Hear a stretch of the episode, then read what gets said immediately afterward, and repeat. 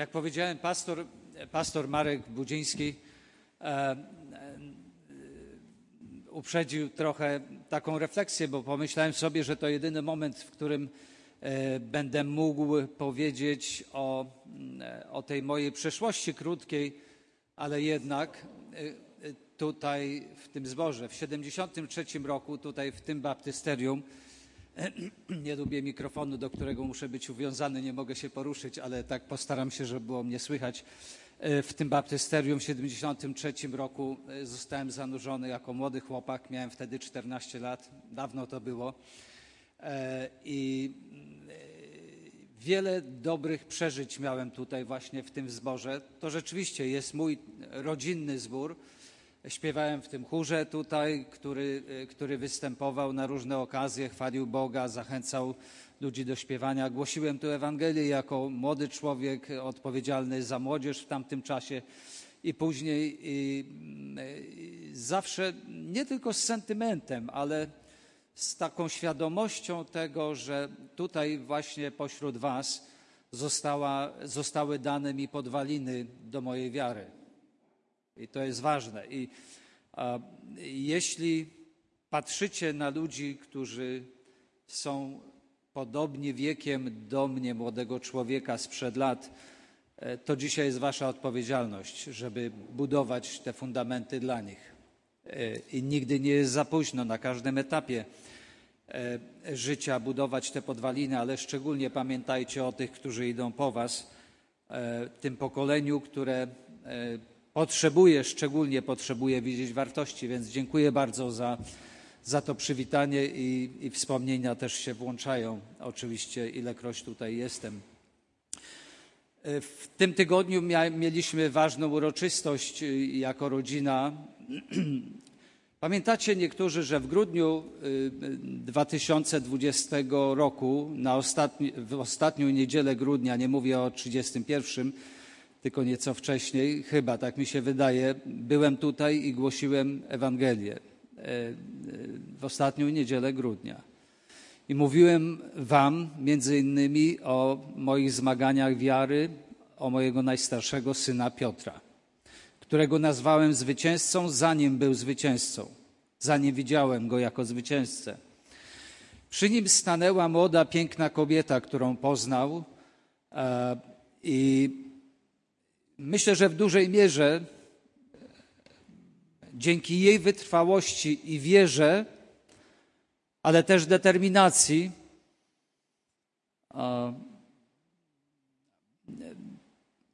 oczywiście łaska Boża, żeby było jasne, żebyśmy nie eksponowali nikogo z ludzi, nawet mojej osoby, która modliła się o mojego syna i mojej żony, która modli, modliliśmy się razem.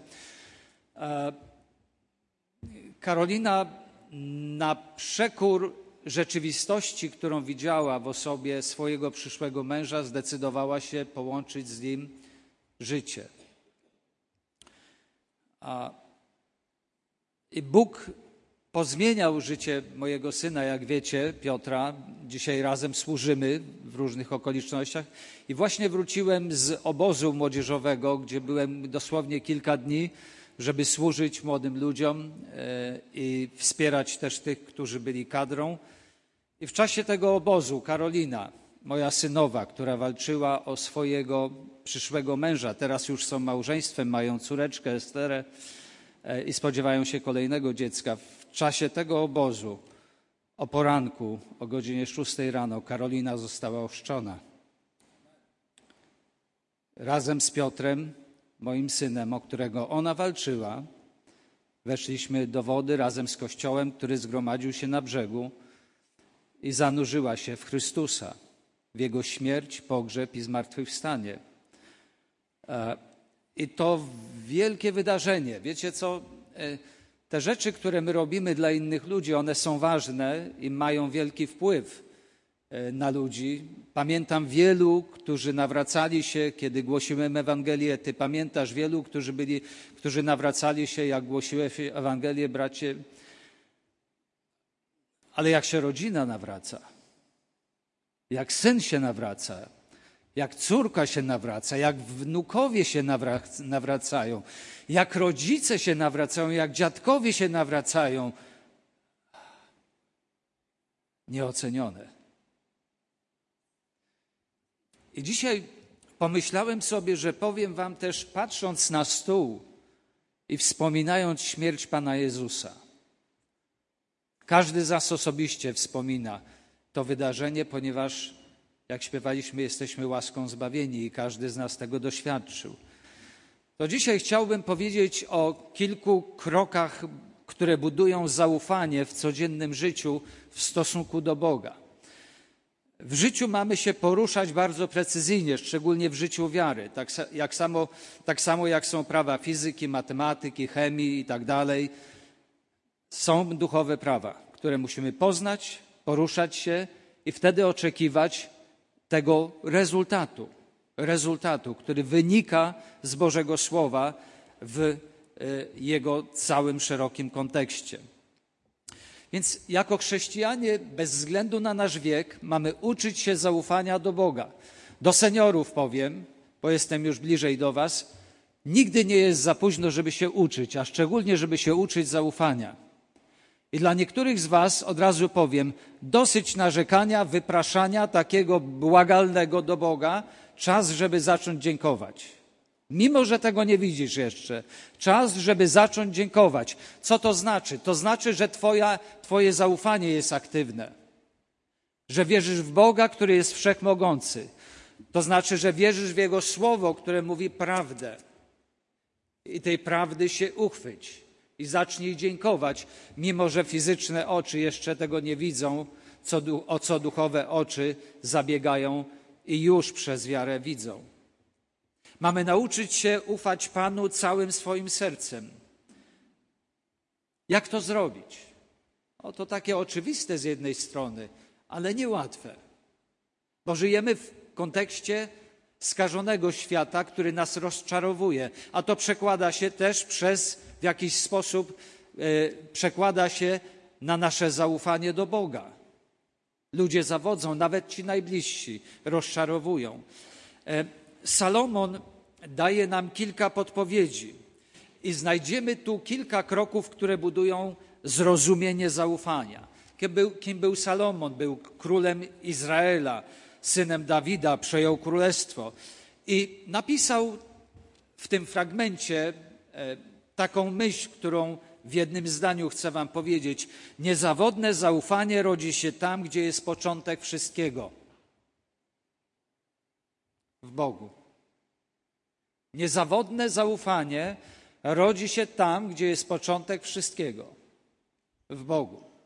Czasami w życiu, zanim spróbujemy rozsupłać pewne rzeczy albo zastanawiać się, skąd to się wzięło, to jest moje doświadczenie, myślę, że doświadczenie wielu z Was, warto wrócić do początku. Warto wrócić do miejsca, w którym coś się zepsuło i rozliczyć to miejsce. I doświadczyć Boga, wracając do początku, wracamy do Boga, któremu zaufaliśmy, na którym oparliśmy swoje zaufanie. Zaufaj Panu w rozdziale trzecim, wierszu piątym, e, w przypowieściach Salomona mówi tak słowo. Zaufaj Panu z całego swojego serca i nie polegaj na własnym rozumie.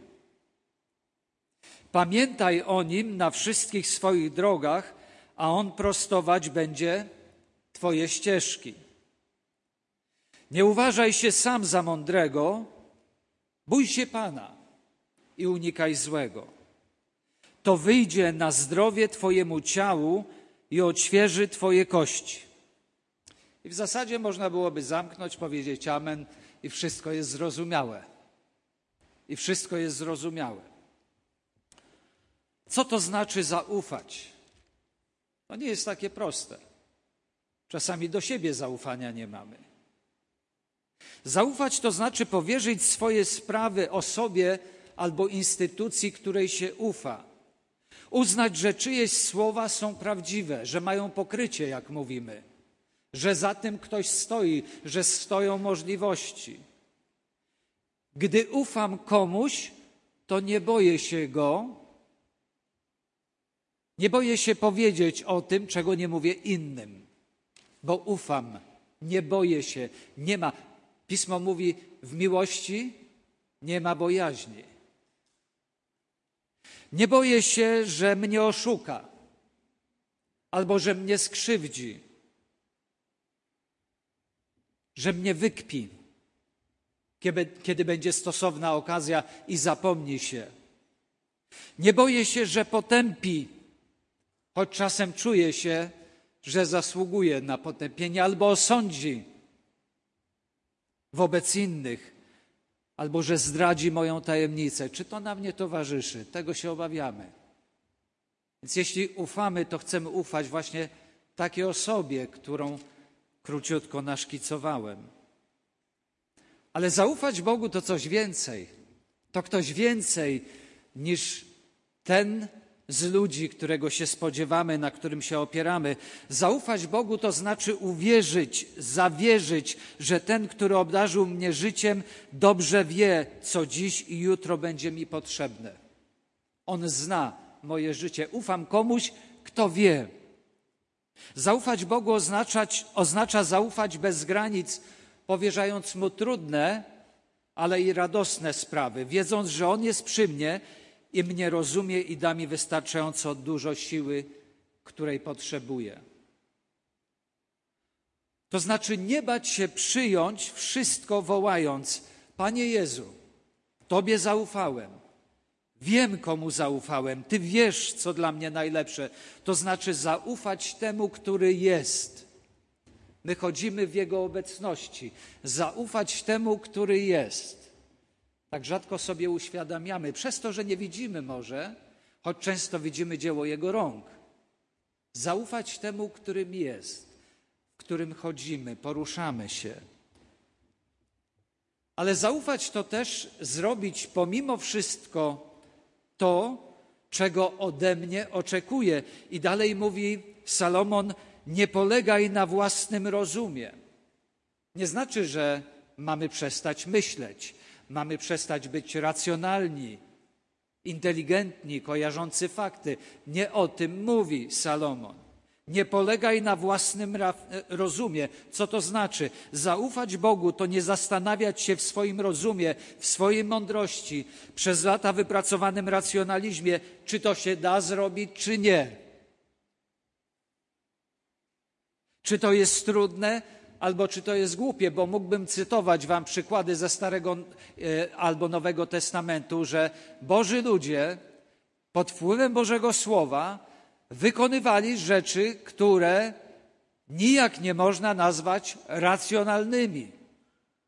Ale ponieważ Bóg to powiedział, to odłożyli swój racjonalizm, swoje obliczanie tego, czy to się da, czy się nie da, czy to jest dobra strategia, czy nie. Oni po prostu poszli za głosem Boga. W narodzie izraelskim, kiedy czytamy e, na kartach Starego Testamentu, bardzo często takie sytuacje się pojawiają. Choćby pan, manna z nieba, która pada, zupełnie irracjonalne, zupełnie, zupełnie nieprzewidywalne. Czy Jericho, które było oblegane przez naród izraelski, jaką strategię militarną im Bóg dał, żeby mogli wygrać tę bitwę? Zupełnie irracjonalną.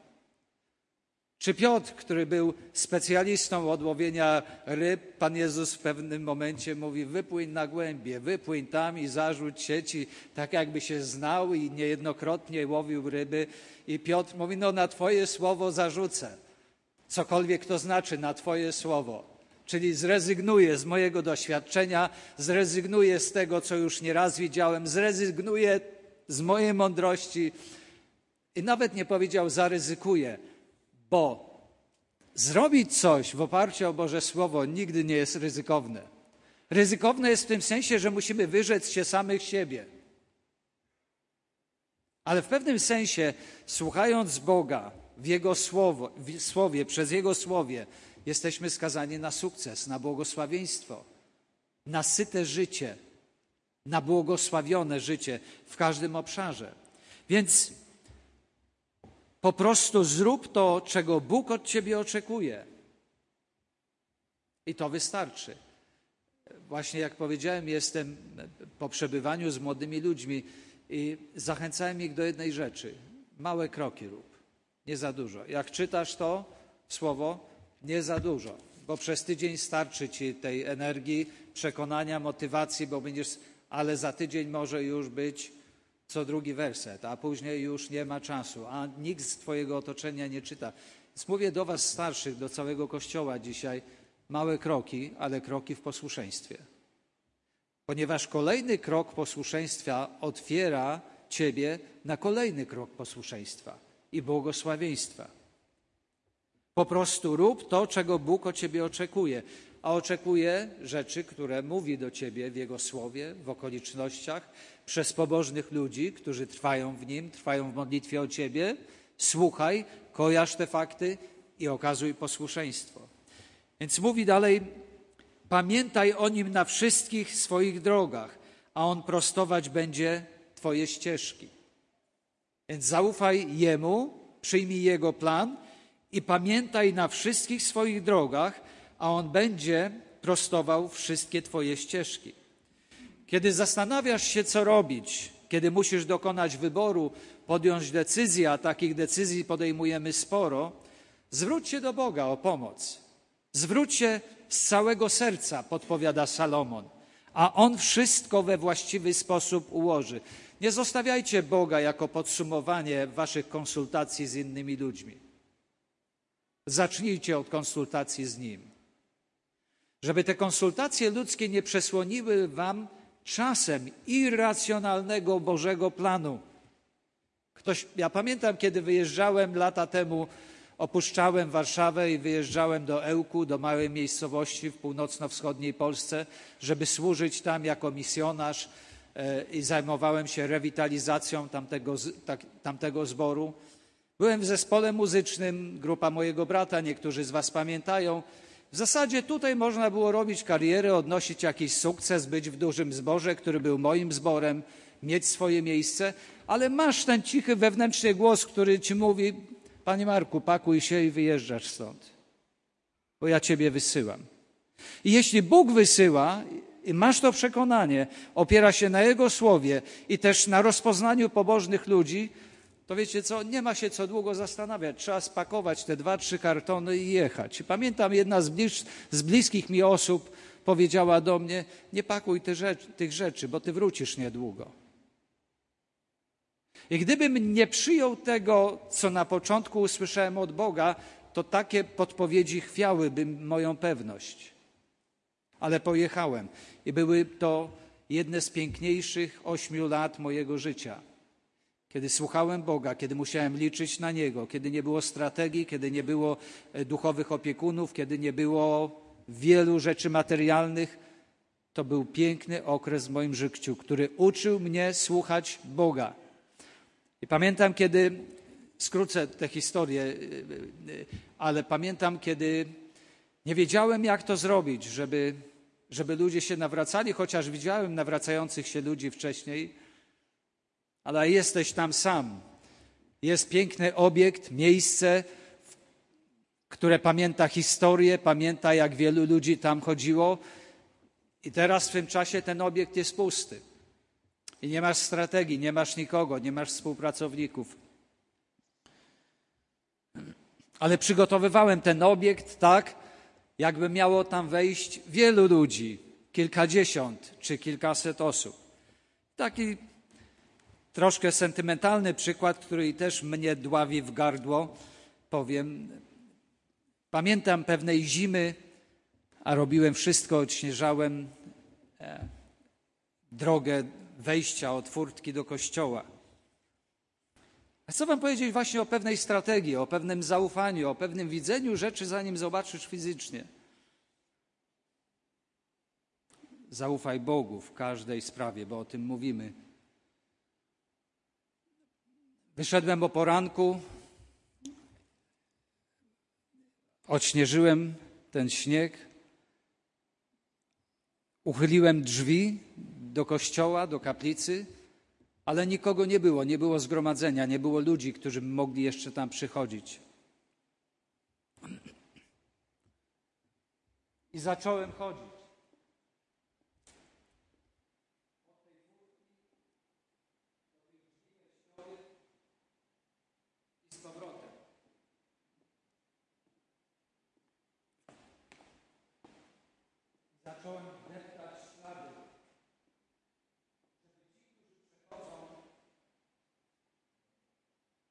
Zobaczyli, że tam chodzą ludzie, którzy nie chodzili.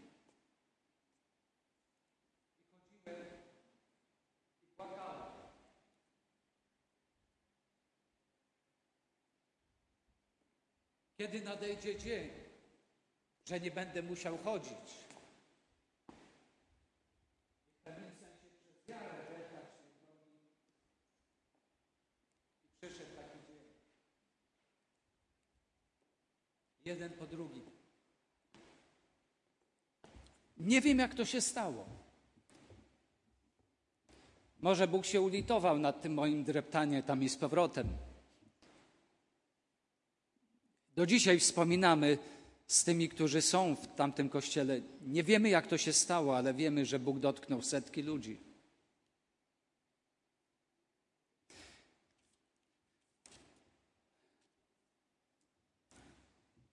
To, co Wam chcę dzisiaj powiedzieć, to nie jest jakiś intelektualny wykład. Macie ich sporo, korzystajcie z nich. To jest zachęta i ojca, to jest zachęta sługi Chrystusa, który ma za sobą wiele doświadczeń, żebyś ty, będąc dzisiaj, siedząc tutaj na tym krześle, słuchając tego przez kamerę z drugiej strony, żebyś wiedział, że warto zaufać Bogu we wszystkim. Czasem zrezygnować ze swojej strategii, z tej oceny sytuacji. Nie warto, już mam dosyć, nie da rady ale stoisz w obliczu tego, który da radę. I masz Jemu zaufać, ponieważ On nie kłamie. Jak mówi, to czyni to, co obiecuje.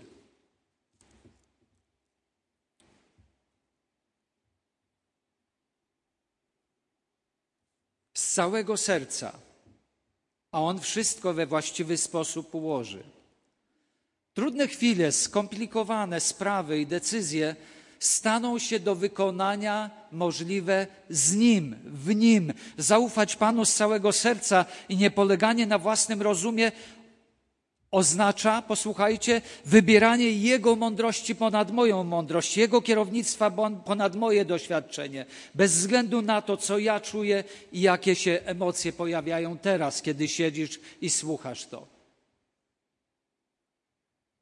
Przeszkodą w zaufaniu jest lęk jakaś emocja, która powoduje, że sprzeczne myśli się pojawiają. Ale podniesienie się ponad lęki ku zaufaniu Bogu zawsze uwalnia. Nieraz w nas jest taki lęk, gdy popełnimy grzech na przykład i rozmyślamy, tak jak, będąc tak jak w potrzasku, z którego nie możemy uwolnić naszych myśli, jakie będą tego konsekwencje, bo zrobiłem to, zrobiłam to. Czy ktoś się dowie, co to będzie? Odczuwamy lęk, gdy nie możemy poradzić sobie ze swoją słabością. Mamy wtedy, zobaczcie, takie tendencje jak Adam w raju, żeby schować się przed Bogiem. Właśnie, żeby zwróci, zrobić odwrotnie niż mówi Salomon. Zaufaj Panu z całego serca. Nie w sytuacji, kiedy jesteśmy wyperfumowani, czy czyściutcy, tacy przygotowani, czujemy się nawet nieco godni, ale w każdych okolicznościach, tutaj mówi Salomon, na każdej drodze w każdych okolicznościach. Ale wstydzimy się, boimy się odrzucenia, potępienia, a właśnie Bóg, pomimo to, że nie zgadza się na nasz grzech, że brzydzi się złem, to jednak bardzo chce, abyśmy byli, abyśmy przychodzili do Niego tacy umorusani, jeśli jesteśmy umorusani, czyli żebyśmy przychodzili z prawdą o nas. Nie musimy zmieniać tej prawdy, ale przychodząc do Niego, już jesteśmy w procesie przemiany, podobieństwa do Niego. I z ufnością mamy biec do Niego. To jest właśnie ufność. Przychodzę w prawdzie, nawet jeśli ta prawda mówi, że jestem brudny. Przychodzę w prawdzie, nawet jeśli ta prawda mówi, to jest niemożliwe. Przychodzę w prawdzie, jeśli ta prawda mówi, moja prawda stoję przed ścianą. Wiem, że On jest miłosierny i że mnie nie odtrąci, że mnie nie wyśmieje. Wiem, że jest przy mnie i mnie rozumie i da mi wystarczająco dużo siły, której potrzebuję. Dlatego staję przed Nim taki, jaki jestem. Pamiętacie tę pieśń? Tak jakim jest, nic nie ma mnie, lecz mimo to Twój głos mnie zwie. I dalej mówi baranku Boży, idę już. I to jest Twoje zadanie. Do tego chcę Ciebie dzisiaj zachęcić, bez względu na to, czy masz kilkanaście, czy kilkadziesiąt lat, czy kończy się Twoja trasa, czy zaczyna. Tak, jakim jest. Nic nie ma mnie na moje usprawiedliwienie, na moją niewiarę i tak dalej, i tak dalej. Ale idę do Ciebie. Jezusowi zależy na tym, żebym przyszedł. On wielokrotnie mówił, pójdźcie do mnie wszyscy, którzy jesteście spracowani i obciążeni, a to ja jestem tym, który sprawi wam ulgę. Pamiętaj więc o nim na wszystkich drogach. Mamy tu zasadę przyczyny i skutku. Każde działanie przynosi rezultat. Pozytywne dobry, negatywne zły. Pamiętaj o nim na wszystkich swoich drogach, a on prostować będzie Twoje ścieżki. Dojrzałe życie chrześcijanina to życie pamiętające o nim na wszystkich drogach. Co to oznacza? Staraj się go dostrzegać na wszystkich swoich drogach, bo on sam wyrównuje Twoje ścieżki. Wiersz szósty. Jeśli dostrzegam, zwracam uwagę, to podporządkowuję się i pozwalam mu prostować moje życiowe ścieżki. Pamiętaj, z Bogiem nie budujesz przeszłości, z Nim budujesz przyszłość. Z Bogiem budujesz przyszłość. Zapamiętaj to teraz, będąc tutaj, słuchając tego słowa. A więc On prostuje ścieżki Twojej przyszłości, rozpoczynające się od decyzji teraźniejszości. Tu i teraz, jak powiedziałem. Kluczowe słowo to słowo na wszystkich. Oznacza w każdej dziedzinie życia, bo nie ma takiej dziedziny życia, której nie warto strach, ryzyko poddawać Chrystusowi. Nie ma takiej dziedziny życia. Wielu z Was siedzących tutaj, kobiety i mężczyźni wiary, którzy przeszliście już jakiś duży etap swojego życia, możecie powiedzieć: tak jest, to się zgadza. Nie ma takiego obszaru w życiu, którego nie warto byłoby poddać Chrystusowi. Na wszystkich, to znaczy w każdej dziedzinie. To mieć odwagę modlić się o wypełnienie Bożej woli w moim życiu. W życiu, to znaczy w całym moim jestestwie, w każdej jego części. Tak jak mówi Księga Jeremiasza, 17 rozdział. Błogosławiony człowiek, który pokłada ufność w Panu, polega na Panu i Pan jest jego nadzieją. On jest podobny do drzewa zasadzonego nad wodą, które swoje korzenie wypuszcza ku strumieniowi. Nie obawia się, gdy przyjdzie upał, korzenie wypuszcza ku strumieniowi. Nie obawia się, gdy przyjdzie upał, bo utrzyma zielone liście, także w roku suszy nie doznaje niepokoju i nie przestaje wydawać owocu. Księga Jeremiasza, 17 rozdział. Więc gdy we wszystkim zdam się tylko na Jego wolę, wtedy to doświadczę miłości i dobroci Bożej w każdej dziedzinie mojego życia. Kolejna myśl, z którą do, do nas Salomon się zwraca, Boże Słowo, to unikaj złego. Czym jest unikanie złego? Mamy tu pewien proces. Doszliśmy do tego miejsca, unikaj złego. Aby to zrozumieć, trzeba przyjrzeć się temu, co mówi słowo w tym fragmencie. Nie uważaj się sam za mądrego. Bój się Pana i unikaj złego. To jest pełne zdanie. Siódmy wiersz. Kluczem jest słowo sam. To właśnie Ewa, Adam sami zdecydowali o zerwaniu owocu z drzewa poznania dobra i zła i w ten sposób otworzyli drzwi niezależności wobec Boga. Ja sam, sam, sama. To sam król Saul zdecydował złożyć ofiarę, co było sprzeczne z Bożym prawem. Wtedy to padają te ponadczasowe słowa proroka Samuela. Oto posłuszeństwo jest lepsze niż ofiara. Pierwsza Księga Samuelowa, 15 rozdział. To słowo sam, sama zawiera w sobie obraz egoizmu, egocentryzmu, samowystarczalności. Nawet w pewnym sensie bezbożności. Bóg mi nie, jest, nie jesteś mi potrzebny, nie będę z Tobą uzgadniał, uzgadniała, zostawię Ciebie na trudniejsze czasy. Może jak trwoga, to pójdę do Boga, ale teraz nie, nie skorzystam. Mam ludzi, do których mam dostęp. Ja najważniejszy, ja samotny, ja. Ale ten werset mówi: Nie uważaj się sam za. I to nie jest negatywny wydźwięk tego wersetu, ponieważ tak naprawdę ten, to stwierdzenie nie uważaj się sam za jest zachętą do społeczności, do której Bóg zaprasza nas. Interpretując te słowa, można napisać, napisać: Nie żyj w samotności, porozmawiaj ze mną, a unikniesz złego. Mówi do nas Bóg, mówi do nas zmartwychwstały Jezus Chrystus. Nie żyj w samotności. Nie musisz być sam, nie musisz być sama. Porozmawiaj ze mną, a unikniesz złego. Ponieważ bać się Pana oznacza uznać Go za autorytet w rozmowie w społeczności, z której wypływają wnioski. I właśnie te wnioski wypływają z rozmowy z Nim, ze słowa, które nam zostawił. A zastosowanie wniosków przynosi rezultat, czyli mówi dalej Salomon, to wszystko wyjdzie Tobie na zdrowie. Więc jeśli chcecie zadbać o siebie w tej przestrzeni wewnętrznej, ale intelektualnej, fizycznej, to mówi Salomon, to wyjdzie na zdrowie Twojemu ciału i odświeży Twoje kości, bo to jest zbawienne dla Twojego zdrowia i kościom Twoim niesie pokrzepienie. Ósmy wiersz. Tak naprawdę unikać złego oznacza unikać samotności. Także wielu ludzi dzisiaj przez te doświadczenia światowe których uczestnikami i udziałowcami jesteśmy, doświadczyło samotności. Doświadczyło depresji przez to, że byli oddzieleni, przez to, że inni oddzielili się od nich. Samotność. Jakże druzgocący stan. Dobrze, jak serwujemy sobie samotność w takim sensie, robimy jakiś przegląd zdarzeń, oddzielamy się od ludzi, mamy refleksję, to jest zdrowe, to jest dobre, ale kiedy jesteśmy skazani na samotność, niektórzy z Was wrócą do domu dzisiaj i pójdziesz do tego pustego mieszkania, którym ten mebel nie powie, że Cię kocha, dobrze, że jesteś z powrotem. Czasem jakie to trudne jest. Czasem jakie to trudne jest. A może jest to słowo, które prowokuje, żeby po tym dzisiejszym nabożeństwie zaprosić, zadzwonić do syna, do córki, powiedzieć przepraszam. Zadzwonić do matki, do ojca, powiedzieć przepraszam i wrócić tę społeczność, żeby nie być samemu. Zaczyna się od tego, który jest źródłem. Pamiętacie, mówiłem na początku, od Boga, który nam daje ducha przebaczenia który daje nam ducha zgody, który też każe się rozejrzeć, jeśli nie masz rodziny, komu możesz służyć, żeby nie być sam.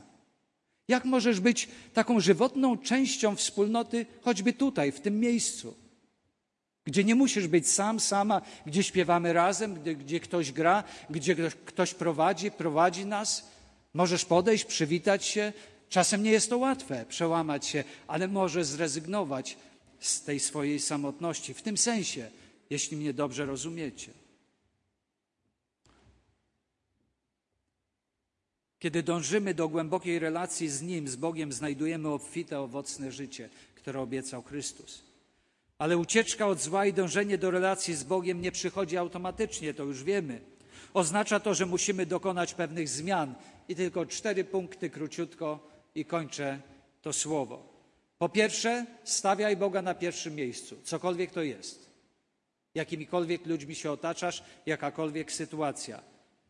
Nie stawiaj siebie na pierwszym miejscu, innych, stawiaj Boga na pierwszym miejscu. Trzeba wrócić do pierwszej miłości do Boga. Będziesz miłował Pana Boga swego, o czym mówił Chrystus. Postaw Go na pierwszym miejscu, we wszystkim, ponad wszystko, doświadcz Go. Po drugie, kontroluj siebie przez Boże Słowo. Trzeba wrócić do fundamentu. Trzeba wrócić do Ewangelii. Nie wiem, na jakim etapie życia jesteś, czy jesteś nawrócony, nawrócona. Zajrzyj do Ewangelii, zajrzyj do dobrej nowiny. Wy, którzy pogubiliście się, pogubiliście się w życiu, zobaczcie, jaka jest Boża wola w tym obszarze, którym się pogubiliście. Wy, którzy potrzebujecie wspomożenia i siły, kontrolujcie siebie przez Słowo Boże. Jeśli chcesz ufać Bogu i ucieka, uciekać od zła, musisz dokładnie wiedzieć, gdzie jesteś, a Boże Słowo przyjdzie z pomocą gdyż jest żywe i skuteczne i potrafi ocenić zamiary i myśli serca.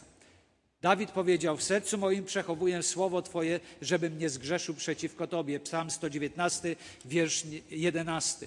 Kiedy Pismo Święte jest zakorzenione w moim sercu, to Bóg będzie używał swojej mądrości do uwalniania mnie i wygrywania moich zmagań. I po trzecie, słuchaj Ducha Świętego.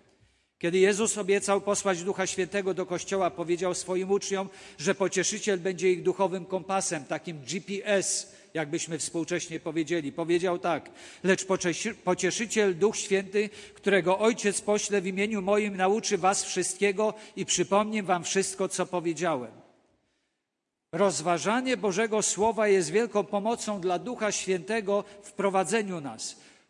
Dlaczego? Ponieważ on posługuje się Słowem Bożym i mówi: A pamiętasz, co tam było napisane? Zwróć uwagę na to. Przypomina nam to, w czym trwamy, w Jego Słowie. Duch Święty, pocieszyciel, prowadzi nas. Oznacza to, że nie jesteśmy sami. Po czwarte, odpoczywaj w miłości Bożej. Salomon przypomina nam, kogo Pan miłuje, tego koryguje, jak ojciec swojego ukochanego syna.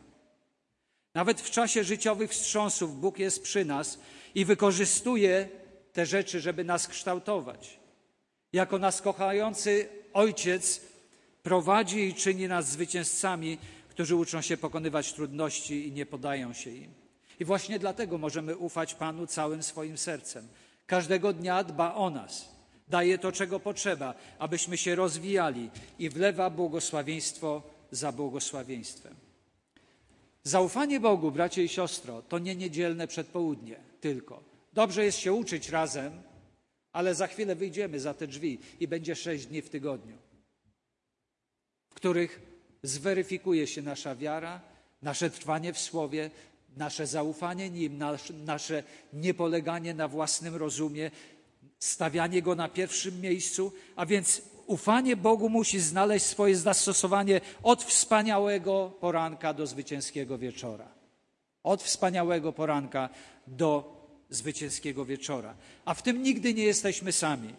Jezus zapewnia nas. A oto ja jestem z wami po wszystkich dni aż do skończenia świata. Ewangelia Mateusza, 28 rozdział. I później dalej mówi w Ewangelii Jana w 16 rozdziale.